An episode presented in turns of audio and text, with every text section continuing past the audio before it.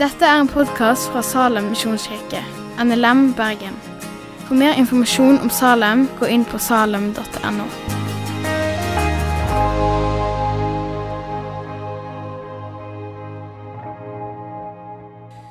Min egen troshistorie den er ganske tradisjonell, egentlig. Eh, jeg har alltid vært litt sånn misunnelig på folk som har en sånn, litt sånn dramatisk omvendelseshistorie, troshistorie. Det har jeg ikke. I mitt trosliv så har det vært lite sånn høye smell og lyn og torden. og sånn.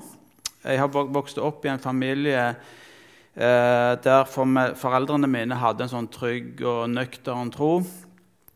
Eh, de stolte på at Gud var med i ett og alt, og lagde utover det ikke noen sånn brå bevegelser i båten. Eh, lite tvil, lite jamring hos de. Gud er med òg denne dagen og i morgen. Dette hadde de erfart, og denne tryggheten fikk jeg med meg hjemmefra eh, som en gave når de sendte meg ut i verden. Det er jeg veldig takknemlig for. Og her er jeg altså mange år seinere, eh, og jeg kan vitne om det samme. Gud er med. Han er til å regne med. Hans planer for mitt liv de er bedre enn mine planer for mitt liv. Han har større tanker om meg enn jeg har om meg sjøl. Han er som en sherpa som har vært oppe på fjellet tidligere, og som kan vise vei og gi råd om utstyr. Så det som jeg kunne tenkt meg å sagt bare noen ord om her i dag, det var dette med tillit. Tillit og tro, det er jo så mangt. Det er så mange ting. Tro eh, handler om bekjennelse. Si det ut høyt, sånn at folk kan høre det. Eh, det handler om kunnskap. Det handler om eh, kjennskap. Det handler om visshet. Det handler om etterfølgelse. Det handler om å bygge livet på et trygt fundament. Det handler om at Gud ikke bare har vært med meg, men han har vært med i generasjoner. Og det handler om tillit. Min første bil, eh, hvis dere er interessert i å vite hva slags bil det var, det var en, eh, det var en, rett og slett en, det vi kaller for en drittbil. Eh, det, jeg betalte 3000 kroner for den bilen. Eh, det var en brun Masta 818, heter den. 1976-modell. Eh, med bakhjulstrekk, fire manuelle gir. Det gikk an å klemme den opp i 140 km i timen. Det prøvde jeg nemlig. Eh, hvor fort gikk den bilen? Den gikk 140 km i timen i nedgjennombakke. Hvis jeg hadde liksom sol og vind og hjemlengsel og alt sånn i ryggen, så fikk jeg den akkurat opp i 140. Eh, problemet med den bilen var at eh, utover at det var en drittbil, det var at eh, den var brun, full av rust. Eh, og når jeg satte meg inn i den for å kjøre med den bilen, f.eks. når jeg skulle kjøre til skolen, eh, så var det ganske usikkert om han starta. Han starta ofte, men ikke alltid. Og når han ikke starta, så var det ofte sånne dager som hadde vært utrolig bra hvis han hadde starta. Eh, så jeg var veldig glad i den bilen. Det var fantastisk å ha en bil som jeg kunne farte rundt i, men jeg hadde ingen tillit til den bilen. Den hadde svikta meg for mange ganger i avgjørende situasjoner. Så når jeg satte meg inn i de nedslitte setene og satte nøkkelen i tenningen og vrei rundt, så gjorde jeg det full av tvil. Ville bilen starte? Ehm, jeg har tre barn. Eh, de er 12, 16 og 19 år gamle. Um, det sies at barn er en gave, og det er jo sant. Stort sett så har vi det ganske bra sammen. Uh, det er et bånd av kjærlighet som uh, binder oss sammen. Men det hender jo at tenåringer har, kan ha en dårlig dag. Og det hender òg at voksne kan ha en dårlig dag. Det kan bli litt sånn kjefting og smelling og litt anstrengt stemning hjemme. Det er bare sånn livet er. Dette må vi tåle. Det som er mer problematisk, det er hvis tilliten forvitrer. Um, jeg anstrenger meg for å si det som er sant, si det sånn som det er. Det er ikke alltid at mine tenåringer anstrenger seg like mye om det. Det har hendt at de har stått og løket meg rett opp i trynet. Det er litt provoserende. Og de har òg gjort ting som har, vært, som har vært, av en sånn art at det liksom Det er fullt brudd i tilliten mellom oss. Det er en ukul situasjon, som det heter. Disse samtalene er litt vanskelige i etterkant. Det har nå skjedd et eller annet her, noe som gjør at jeg ikke stoler på deg lenger. Tilliten er brutt. Det blir litt sånn tøff kjærlighet.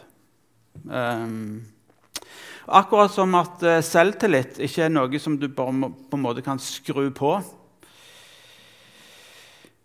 Må, den må opparbeides over tid. Sånn er det òg med tillit. Um, og det er liksom beskjeden til mine barn. Sant? Her er tilliten brutt. Men den kan bygges opp igjen. Over tid så kan vi finne tilbake til en sånn tillitsfull relasjon. Vi må vise det i praksis over tid at vi kan ha tillit til hverandre. Ok, Vi sirkler litt rundt dette tillitskonseptet. Dere forstår, uh, dere forstår tegningen, ikke sant? Um, jeg har en kompis uh, som jobber i eh, Eh, Utlendingsdirektoratet eh, her i Bergen.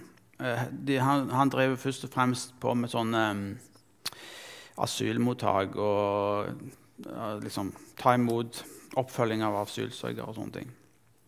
Og Vi satt en kveld og snakket litt uh, om uh, innvandring og asylsøkere og litt sånn forskjellig. som kom til Norge. Så spurte jeg han sånn Hva er det som er den største forskjellen på oss som er oppvokst her i Norge, og de som kommer her fra fjerne himmelstrøk. Og da sa han det at Den største forskjellen, sånn som han opplevde det, det var at vi som bor her, er oppvokst i den norske kulturen. Eh, vi har en svært stor grad av tillit til myndighetene. Ja, vi har vel alle opplevd at myndighetene kan gjøre feil, og at de gjør um, feilvurderinger. Men i bånn ligger det en oppfatning av at vi spiller på lag med myndighetene. Vi har tillit til at de som styrer landet vårt, i bunn og grunn vil oss vel. Mange av de innvandrerne som kommer her til Norge, Eh, de eh, har gjennom generasjoner opplevd at myndighetene prøver liksom å lure dem, eller eh, altså, de, de, kommer til kort i møte med myndighetene. Og da tenker mange at det er bare rett og rimelig at hvis myndighetene prøver å lure oss, så må vi lure, lure tilbake. Det er et sånt spill der det er generalisering, men det, det, det, var hans oppfatning av ting. Sant? Eh, det er ingen konstruktiv situasjon, men det er ingen tillit der. Det er for mange historier om urettferdighet og urett. Dessverre så ser vi litt av det samme bildet òg i land som vi liker å sammenligne oss med. Eh, kanskje så har denne koronaperioden som vi har vært, som forhåpentligvis nå er på vei ut av, forsterka disse skillelinjene. I USA eksempel, er det store deler av befolkningen som ikke stoler på egne myndigheter.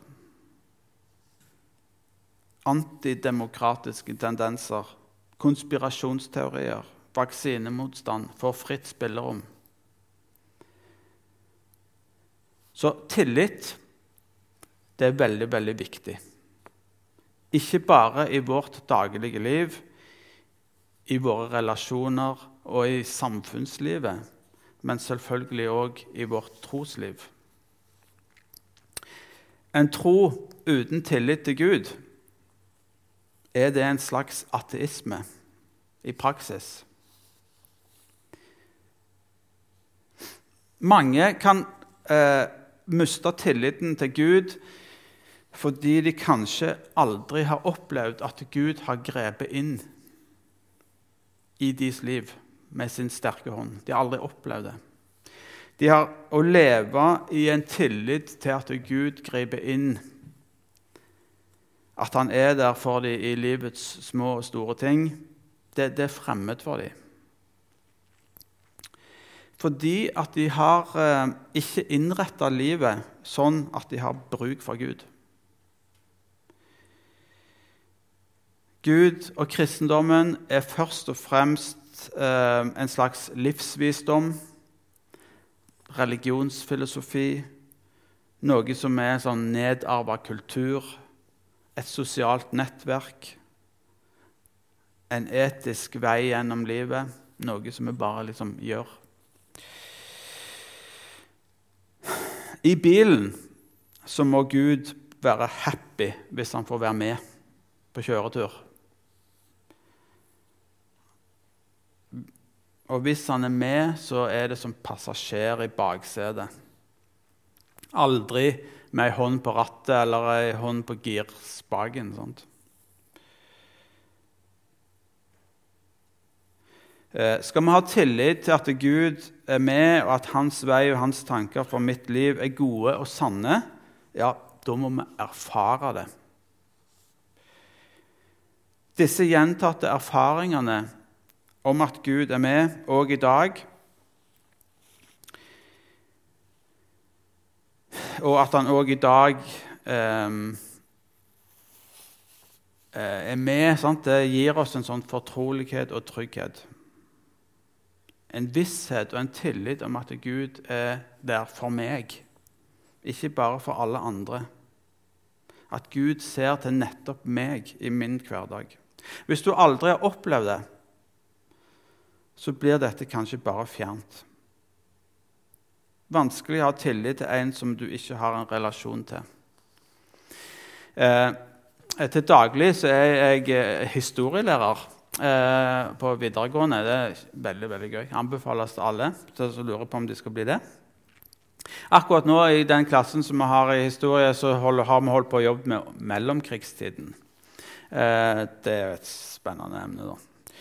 Um, alle land i Europa ble i mellomkrigstiden rammet av en djup økonomisk depresjon. Sant? Den har vi hørt om, kanskje.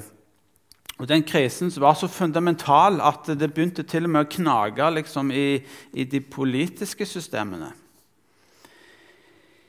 Um, men det var bare de ferske demokratiene i Europa som valgte å, å på en måte kaste demokratiet på, på båten å gå i en autoritær retning. I land som hadde hatt demokrati lenger, så de hadde erfart at båten holdt. Og de hadde vært gjennom kriser før og hadde tillit til et system som hadde levert varene tidligere.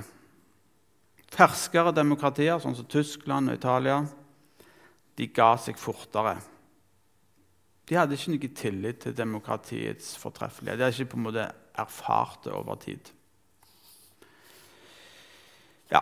Mange tror jeg òg blir skuffa av Gud. Um, de, de, har ganske store, Mange har, tror jeg har veldig store forventninger av hva de tenker at Gud skal gjøre i deres liv. Hva skal han levere? Skal jeg oppleve tap, skuffelse, smerte, svik, sykdom? Nå som jeg har satsa alt på Gud, jeg, er det liksom hva, hva er da poenget med Gud? Er det for mye forlangt at Gud kan levere litt på liksom min enkle bucketlist.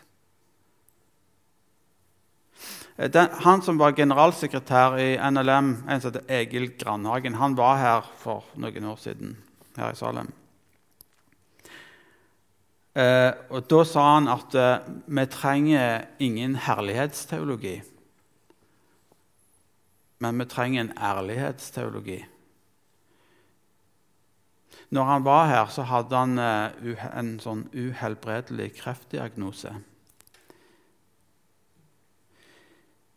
Jeg tror at det er viktig å ha et edruelig og et realistisk Altså en ærlig forventning til hva det vil si å være kristen.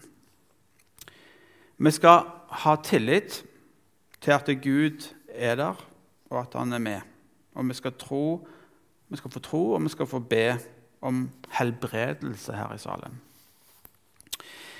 Uh, jeg, mener at vi ber for lite om det her, her uh, i Salem. Det kan jeg si som styreleder i styret. Mener vi ber for lite om det. Uh, han som var, tidligere var leder for den Winyard-bevegelsen De hadde en mer karismatisk bevegelse enn oss. Eh, John Wimber heter han. Han sa det at eh, når vi ikke ba om helbredelse, da var det ingen som ble helbreda. Når vi begynte å be om helbredelse, da var det noen som ble helbreda. Så um, men, men, jeg får en uggen følelse i magen når jeg ser predikanter på en sånn talerstol som dette her, eh, som kommanderer Gud til helbredelse. Det liker jeg ikke. Akkurat som de tror at de kan bende armen på Gud bak på ryggen og få han til å gjøre det som de vil. På vegne av Gud så lover de oss et liv i konstant framgang. De snur Jesus en egen bønn på hodet som han ba i Getsemane. Sant? Ikke som du vil, Gud, men som jeg vil. Og Jesus ba helt motsatt. Ikke, ikke som jeg vil, men som du vil. Tillit til Gud handler ikke om å kontrollere Gud og åndsmakter. Tillit til Gud handler om å søke tilflukt hos Han og om å søke hans vilje først, om å gå sammen med han. Søke hans veiledning, hans fellesskap, utvikle en tillitsfull relasjon. Eh, og Så kommer vi denne til denne teksten. Da, som jeg tenkte, Vi må jo ha en tekst. Eh, vi må jo liksom henvise til, til the good book her. ikke sant? Ellers så blir vi beskyldt for å bare komme med sånne eh, luftige tanker. sant? Jeg fikk sånn mail fra Gjermund når du skal tale i Salem, så må du gjøre sånn og sånn. og sånn, og sånn. Du må ha en tekst fra Bibelen. Så ja, ok, la oss finne en tekst. Det er ikke noe vanskelig, jeg. Eh, og så er det den der teksten som står eh, som eh, Ingvild snakket litt om eh, Om eh, israelsfolket som er i ørkenen. Eh, og israelsfolket er det verdens mest utålmodige og utakknemlige folk? Jeg vet ikke. Vanskelig å si. Moses tar dem med ut i ørkenen. Dere kjenner kanskje den historien. Men hvis det er noen som ikke gjør det, så har de altså vært i fangenskap i Egypt i 400 år. Og så sender Gud Moses til israelsfolket og sier du, gå til farao, ta dem med deg ut, og så skal jeg vise dere et land så dere skal få den historien der. sant? Så Moses tar dem med ut i ørkenen. Kanskje så tenkte Moses det er jo ikke så langt opp til Kanan. Skal vi bare gønne på, ta snøre på oss de der mest sportslige sandalene vi har, og så legger vi av gårde, så kommer vi oss ganske raskt opp til Kanans land? Kanskje det var det Moses tenkte. Men det tenkte iallfall ikke Gud. Uh, uansett så blir det litt smått med mat. Um, og lave på blodsukker så begynner de da å klage til Moses og til Gud. Hvorfor tok du oss med ut på denne turen her? kunne vi ikke bare fått vært i Egypt? Vel var vi slaver, men der hadde vi iallfall mat. Her er det bare dårlig stemning. Ingenting å spise. Og For ikke lenge siden så hadde Gud redda dem ut av Egypt med vanvittige ting som skjedde der. Sant? Det var landeplager, og det var frosk, og det var blod, og det var mygg og Det var, det var helt crazy. sant? Det, de, ja. Og ikke så lenge på, etterpå så redda han dem gjennom Sivsjøen eller Rødehavet. sant? Heftige ting det var nå blåst vekk. Når de nå ikke hadde mat, så var de helt sånn på felgen. Og så kommer Gud til dem, og så gir han dem mat. Men han gir dem mat på en veldig pedagogisk måte. Hadde vi den lille teksten der, eh, Daniel? Ja, her står det de brøt opp fra Elim, og hele Israels menighet kom til Sin-ørkenen, som ligger mellom Elin og Sinai. Det var den 15. dagen i den andre måneden etter at de hadde dratt ut av Egypt. Hele menigheten klaget til Moses og Aron i ørkenen og sa:" Om vi bare hadde fått dø for Herrens hånd i Egypt da vi satt omkring kjøttgryten og spiste oss mette, men nå har dere ført oss ut i denne ørkenen for at alle vi som er samlet her, skal dø av sult. Da sa Herren til Moses.: Se, jeg vil la det regne brød ned til dere fra himmelen. Hver dag skal folket gå ut og sanke en dagsrasjon. Slik vil jeg sette dem på prøve og se om de følger min lov eller ikke. Yes. Eh, og så skjer det et under, et brødunder, i ørkenen.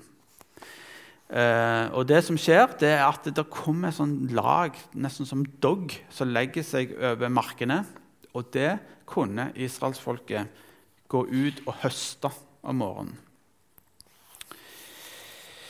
Um, han kunne jo gjort det på en annen måte, gitt dem en gigantisk ost som de hadde, som de kunne spist på i 40 år. Det gjør han ikke. Her gir han noe som kommer hver dag. Det er bare nok for den dagen. En øvelse i tillit. Gud skal trene opp folket til å ha tillit til ham. Så Derfor så gir han dem noe som ikke er så masse at de glemmer ut å stole på Gud, men noe som gjør at de må øve seg å ha tillit til Gud hver eneste dag.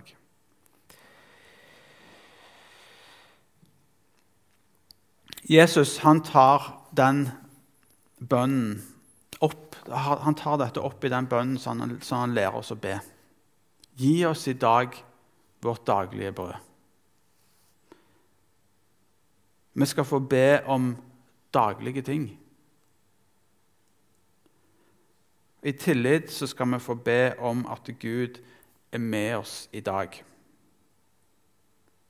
I morgen så skal vi få ha tillit til å be om det som vi trenger for morgendagen.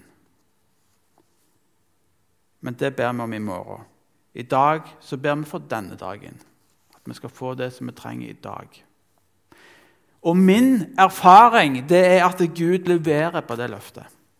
Han er med i dag. Um, på skolen der som jeg jobber, så har jeg sånn lærerplanlegger. Jeg vet ikke om du Inge, har det på din skole. Men det er sånn, der jeg skriver opp 1000 ting som jeg skal gjøre det neste halvåret eller det neste året. All slags ting. Jeg blir helt uh, sprø når jeg ser på den kalenderen. alt som jeg skal gjøre. Men, men jeg skal jo ikke gjøre alt i dag. Jeg skal bare gjøre noen få ting i dag, og så skal jeg gjøre andre ting andre dager. Men jeg skal få be om at Gud skal få være med meg i de tingene som jeg står i i dag. Jeg skal få be om det daglige brød i dag. Ja, Var det en til tekst der? Uh, her står det Dette er liksom siste teksten som uh, kommer. da. Så nå er jeg øyeblikkelig ferdig. Det er fra Salme 71. Eh, her står det 'Hos deg, Herre, søker jeg tilflukt'. La meg aldri bli til skamme. Berg meg og fri meg ut i din rettferd. Vend øret til meg og frels meg. Vær meg et vern og en klippe dit jeg alltid kan komme.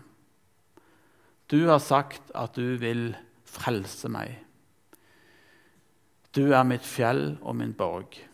Fri meg, Gud, fra lovløses hånd, fra grepet til dem som farer med urett og vold. Du er mitt håp, min Herre og Gud, min trygghet fra jeg var ung. Fra jeg ble født, har jeg støttet meg til deg. Fra, min, fra mors liv er du min styrke. Jeg vil alltid prise deg. Jeg er blitt til et tegn for mange. Du er min tilflukt og mitt vern. Min munn er full av lovsang. Jeg synger om din herlighet dagen lang. Så la oss be for denne dagen her. Kjære far, jeg takker deg for at du eh, ser i nåde til oss syndige mennesker som har krenka deg med tanker, ord og gjerninger. Ha tålmodighet med oss og se til oss akkurat der som vi er i dag.